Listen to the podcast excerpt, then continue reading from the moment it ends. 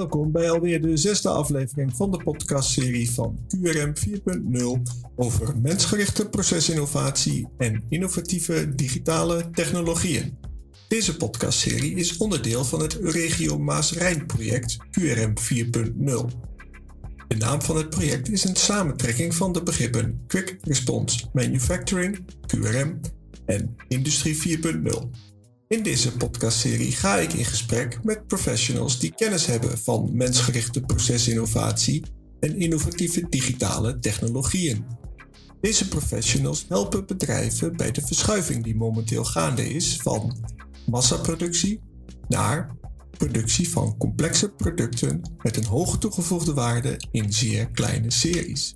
Deze verschuiving dwingt kleine en middelgrote maakbedrijven ertoe om hun productie te transformeren. Vandaag is mijn gesprekspartner Bert Huis in het veld.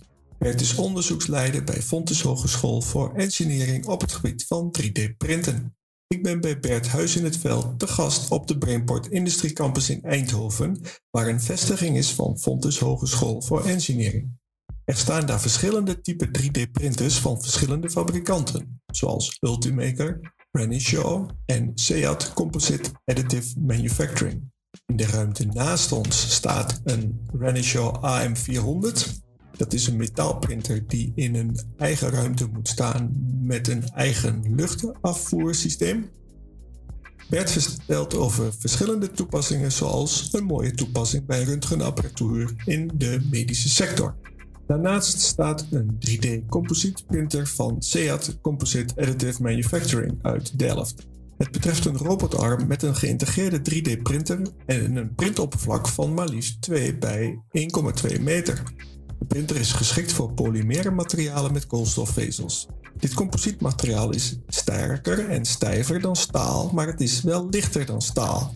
Het is voor lichtgewicht onderdelen het ideale productiemateriaal. Daarom is het materiaal erg populair in de ruimtevaart, in de automobielindustrie en bij defensie. Mijn naam is Ronald Scheer en ik wens je veel plezier bij het luisteren naar mijn gesprek met Bert Huis in het Veld. Bert, voor degene die jou nog niet kent, kan je vertellen wie je bent en wat je doet? Dankjewel. Ik ben 64 jaar en al heel wat jaren werkzaam in de materialen, productie. En de laatste 10, 20 jaar is daar steeds meer 3D-printen. Daar wil ik vandaag graag wat meer over vertellen. Bijgekomen. Kan jij voor de luisteraar uitleggen waar we precies zijn en waarom we juist daar zijn? We zijn hier op de Brainport Industrie Campus, vlakbij het eh, vliegveld. Is een nieuwe accommodatie met heel veel bedrijven, heel veel bedrijvigheid. En 3D-printen is een belangrijke activiteit van veel van die bedrijven en ook Fontes. Daar gaan we het vandaag verder over hebben. Ik woon in Waalre, dat is hier vlakbij. En mijn favoriete vervoermiddel uh, is de fiets. En het is een buitengewoon uh, leuke route langs het kanaal, door Veldhoven, naar de bossen van Waalre. En daar ben ik thuis voordat ik het uh, weet. En bovendien helpt het om de geest enigszins relaxed te houden. Kan jij kort iets vertellen over de ontstaansgeschiedenis van 3D-printen in het algemeen? Het is een relatief nieuw proces. Het is in de vorige eeuw langzaam maar zeker volwassen geworden zijn nu in het stadium dat allerlei bedrijven serieus nadenken over de toepassingsmogelijkheden binnen hun onderneming voor de 3D-printprocessen. Want het zijn er meer. Het zijn allerlei variaties op het thema. Maar wat ze gemeenschappelijk hebben, is het laagsgewijze opbouwen van een product. Dat is de definitie. Daar moeten we toch een beetje aan vasthouden. Want anders dan staat de hele wereld uit printprocessen. En dat helpt niet om focus op de nieuwe technologie te houden. Over focus gesproken, kan je uitleggen waar jouw focus zich bevindt op het gebied van 3D-printen? Bij Fontes werken we een jaar of tien nu aan uh, printprocessen. En dat neemt steeds serieuzere vormen aan.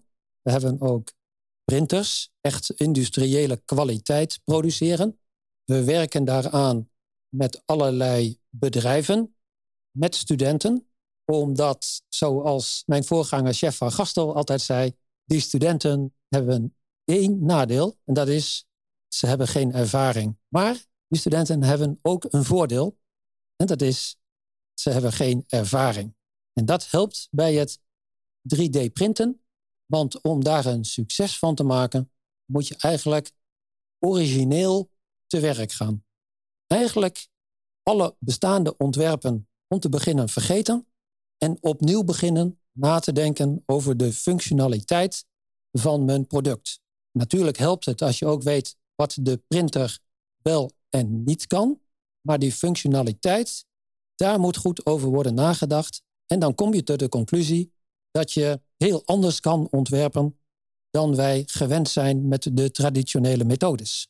Dan ontstaan er interessante nieuwe ontwerpen die uniek zijn en dus ook nieuwe functies hebben, die soms zo bijzonder zijn dat ze met de bestaande technieken echt niet te produceren zijn. En dan mag het ook wat kosten. Kan je voor de luisteraar daar een voorbeeld van geven? By far het meest succesvolle product in deze regio is wellicht het Wolfram-masker dat door Philips in Best wordt geproduceerd. Want daar staan ondertussen een vijftiental metaalprinters continu maskers te printen, omdat die de beeldkwaliteit van de röntgenscanners verbetert. Met een relatief klein onderdeel, wat alleen met 3D-printen goed kan worden vervaardigd. En dan mag het ineens wat kosten. Want er wordt geen röntgenscanner meer verkocht zonder die onderdelen. En dat zijn de toepassingen waar we naar op zoek zijn en waar ook met studenten naar gezocht wordt of we die bij bedrijven kunnen realiseren. Kan je uitleggen hoe dit aansluit bij de missie en visie van Fontes Hogescholen? Als we kijken naar de activiteiten bij Fontes, dan is de missie van onze printactiviteiten het ontwerpen en realiseren van complexe onderdelen. Het complex is wel een belangrijk bijvoeglijk naamwoord, want er wordt ook geprint met beton, er worden huizen geprint. Dat zijn onderdelen hebben niet de complexiteit waar wij ons op richten. Het zijn interessante varianten binnen de hele familie van de printprocessen, maar wij kunnen ook niet alles. Wij richten ons op de complexe onderdelen, die dus veelal wat kleiner zijn. Verschillende processen, fused deposition modeling, metaalprinten en sinds kort ook een composietprinter die korte vezels combineert met een polymeer. Dus bijvoorbeeld polypropyleen met 30% glasvezel gevuld. En dat is een, een nieuwe printer die toch een schaalvergroting mogelijk maakt, waar de standaard FDM-printers onderdelen met de afmeting van decimeters eh, produceren, hebben we hier ineens het bereik van meters tot onze beschikking. En dat is toch interessant. En wat het extra interessant maakt, is dat deze printer ook gevoed kan worden met gerecycled materiaal. Wanneer je granulaat kan combineren, nieuw granulaat met recycled granulaat, en daarmee kunnen wij onze printer voeden, heb je een interessante toepassingsmogelijkheid voor de afvalstroom in de polymeren.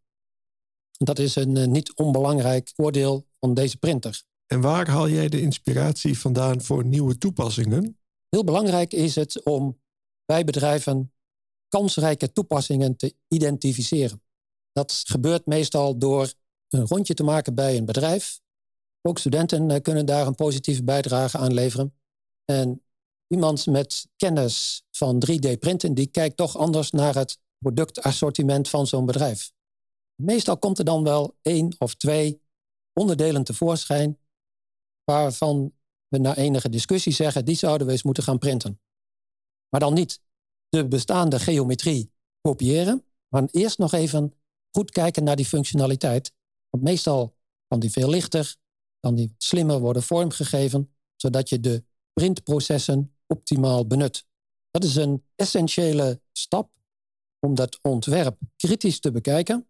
Want wanneer er alleen maar gekopieerd wordt, heb je eigenlijk een soort garantie voor een teleurstelling. Je hebt duidelijk uitgelegd wat de verschillende 3D-printers zoal kunnen. Daarbij geef je ook heel duidelijk aan dat jij materiaalkeuze erg belangrijk vindt. Kun je aangeven waarom jij dat zo belangrijk vindt? Bij Fontes hebben we ook veel aandacht voor de materialen. Niet in de laatste plaats door mijn eigen eh, achtergrond op het gebied van de materialen. Want er wordt een product geprint, daar gaan materialen in. Het printproces heeft invloed op de eigenschappen. Dus wil je wat garanties kunnen geven over de sterkte of de vermoeiingslevensduur, taaiheid van een product, dan moet je daar toch serieus kijken naar de productieprocessen en vaak ook onderzoek doen naar de spreiding in de materiaaleigenschappen. Want de printprocessen hebben nog wel eens de neiging om een grotere spreiding dan we gewend zijn van de traditionele processen aan eigenschappen op te leveren. Dus dat moet enigszins worden beheerst. Zijn er nog meer onderwerpen waarop jij je richt binnen Fontis Engineering? Naast de additive manufacturing, het chique woord voor 3D-printen, besteden we ook aandacht aan lichtgewicht constructies en aan energie en duurzaamheid. Dat zijn de drie onderwerpen waar wij ons willen profileren. En die twee onderwerpen naast 3D-printen zijn niet toevallig ook onderwerpen waar je met 3D-printen interessante resultaten kan boeken.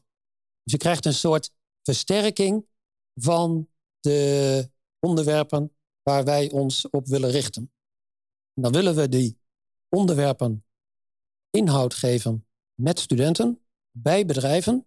Dus de creativiteit van die studenten willen we optimaal benutten, maar ook industrieel relevante resultaten boeken, omdat dat eh, niet alleen een goede leerschool is voor de studenten, maar ook voor de betrokken bedrijven potentieel interessante innovatie oplevert. Voor de luisteraar kan het interessant zijn om te weten met welke bedrijven jij zoal samenwerkt. Kan je eens een aantal namen noemen van bedrijven waarmee je samenwerkt? We hebben met heel veel bedrijven hier in de regio goede contacten. Maar er zijn er een paar die ik nog wel even uh, zou willen noemen. En dat is VDL Fibertech in uh, Hapert, waar wij met meerdere studenten in de vorm van afstudeerprojecten en studentenprojecten, bijvoorbeeld in de S7-fase, dus in het zevende semester, studenten die nog een half jaar onderwijs krijgen voordat ze aan het afstuderen beginnen, interessante resultaten hebben uh, geboekt. Op het gebied van de materialen is de samenwerking met uh, DSM uh, bijzonder goed. En ook Nexperia, een Philips-dochter in Nijmegen, heeft interessante toepassingen waar we met behulp van 3D-printen samenwerken aan innovatie. We hebben nu op hoofdlijnen gesproken over de verschillende 3D-printers die jij hier tot jouw beschikking hebt. Kan je nu eens in detail uitleggen welke printers je hier hebt staan? Ja, dat is wel een goed idee. Want we hebben verschillende printers. We hebben om te beginnen een eh, metaalprinter, een grote jongen, een Renishaw uh, AM500. Dat is een uh, printer waarmee we nu ruim een half jaar werken hier op de BIC. Die levert prima resultaten. Rijn van der Mast is uh, degene die de printer kent als zijn broekzak, zou ik bijna zeggen. Samen met een aantal andere medewerkers uit het AM-team van Fontes. Dan denk ik in het bijzonder aan Martin Stroetiga en Joris Glazer. Komen er hele mooie resultaten tevoorschijn. Wij hebben ook sinds het begin van dit voorjaar een composietprinter van de firma Seed, een start-up uit Delft. En dat is een uh, printer die composietproducten produceert. Het is in feite een robot met een extruderschroef in de kop van de robot, gevoed met granulaat. Maar daar komen echt mooie onderdelen uit. Maar we moeten nog verder leren in het uh, gebruiken van de specifieke voordelen van deze printer. Maar eh, de eerste resultaten zijn veelbelovend. En natuurlijk hebben we ook een aantal kleinere printers, FDM-printers van de firma Ultimaker. Daar hoef ik verder niet zoveel over te zeggen, want dat zijn printers die bij iedereen die enigszins uh, bekend is op het netvlies staan. Wat ik nog wel zou willen toevoegen is dat wij binnenkort, dat betekent later deze week, een printer krijgen van Mark, een Mark 3D-printer die door de firma Nexperia wordt aangeschaft. Die wordt hier geplaatst. En we gaan met studenten voor Nexperia de mogelijkheden van deze printer uh, verder verkennen. Dat is ook al een interessante vorm van uh, samenwerken. Dat de studenten door deze constructie meteen kunnen leren printen op een relatief nieuwe printer. Kan jij voor de luisteraar uitleggen welke materialen daarbij gebruikt gaan worden? Dat het wordt composietmateriaal met continue vezels. Maar dat kunnen ook eh, koolstofvezels zijn. Dus waar die seedprinter korte vezels in het product verwerkt, wordt dit uh, een product met continue vezels. En dat betekent dat de sterkte, stijfheid echt naar een veel hoger niveau getild kan worden. Je hebt zojuist de namen genoemd van bedrijven en collega's waarmee je samenwerkt. Heb je nog iemand vergeten of is er nog iemand die je wil toevoegen? Heel belangrijk is ook het vakmanschap, wat uh, nodig is om met deze printers uh, goede resultaten te boeken. En ik denk dat iemand als Erik Rutjens binnen ons team daar een essentiële rol speelt. Omdat op die manier de kennis wordt gecombineerd met de creativiteit van de studenten. Dat is wat je nodig hebt om in dit vakgebied verder te komen. Ja, en voor de luisteraar is het van belang om nogmaals te benadrukken dat we ons nu bevinden op de Brainport Industry Campus, waar veel meer bedrijven actief zijn op het gebied van 3D-printen. Zeg ik dat zo goed? Ja, we zitten hier op de BIC met, uh, met onze printers. Uh, er staan hier onder ditzelfde dak van dit uh, bedrijfsverzamelgebouw nog een aantal printers. Er zijn een groot aantal bedrijven actief. Daar praten we ook regelmatig mee. We werken er ook mee samen. De samenwerking kan nog wel intensiever. En lijkt erop dat dat in de loop van het nieuwe studiejaar gaat gebeuren. Dat we dan met de bedrijven hier op de BIC en met bedrijven in de regio, dus zeg maar Zuidoost-Brabant, consortium kunnen vormen waar geprint wordt op een hoog niveau. Niet alleen nationaal, maar zelfs internationaal. Alle genoemde faciliteiten zijn niet alleen beschikbaar voor docenten en studenten van Fontys Hogescholen en bedrijven op de BIC, maar de faciliteiten zijn ook beschikbaar voor studenten buiten Fontys Hogescholen. Want als ik me niet vergis, dan is er een minor op het gebied van 3D-printen. Klopt dat? Ja, in die minor, die eigenlijk SPDAM heet, dat is eh, Smart Product Design for Additive Manufacturing, hebben we een eh, aantal leuke projecten gedaan. In al die projecten gaat het om het smart product design. Dat, uh, dat is de rode draad. Dat zijn de verschillende projecten. We hebben bijvoorbeeld eh, een project met de seed printer uh, gedaan, wat zich richt op modulaire componenten, lichtgewicht constructies. Daarin participeren ook bedrijven als DSM en Royal Haskoning. Maar we hebben ook een project gedaan wat zich richt op het printen van materiaal met interne demping.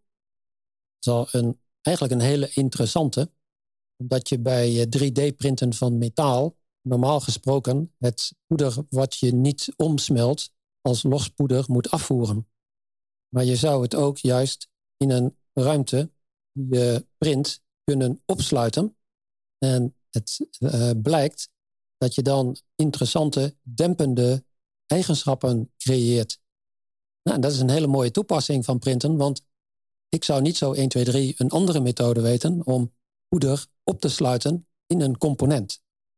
Dus eh, dat is een onderwerp waar nog heel veel verdere ontwikkelingen mogelijk zijn. En dat doen wij samen met bedrijf eh, MI Partners. Dat is denk ik een interessante ontwikkeling. Maar we hebben ook eh, bedrijven die zich richten op het metaalprinten uh, voor hoogwaardige toepassingen. Dat is bijvoorbeeld een uh, al langer lopend samenwerkingsproject.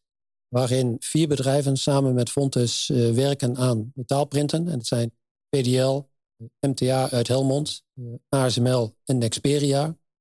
En die zijn alle vier geïnteresseerd in goede metaalgeprinte onderdelen met eigenschappen die voorspelbaar zijn.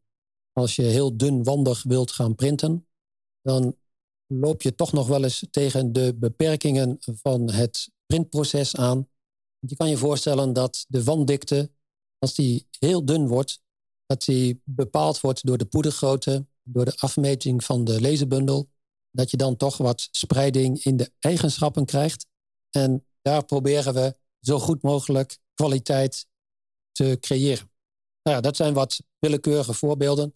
We hebben, de, we hebben er meer, want meestal verdelen we zo'n 30 studenten over een stuk of zeven projecten. Dat betekent dat een project door vier of vijf studenten wordt bemand of bevrouwd. Dat is elk jaar weer een feestje om samen met de studenten en de bedrijven de resultaten te evalueren. Nu was ik vlak voor de zomervakantie uitgenodigd bij de eindpresentaties van de Minor voor 3D-printen door onze collega Hein van der Vrander. En een van de projecten van de studenten die ik heb gezien ging over het 3D-printen van een stuur of van een stuurkolom voor een elektrische auto. De details ben, zijn mij even ontschoten. Kan je me helpen? Ik vond het wel interessant. Kun je vertellen aan de luisteraar wat dat project was?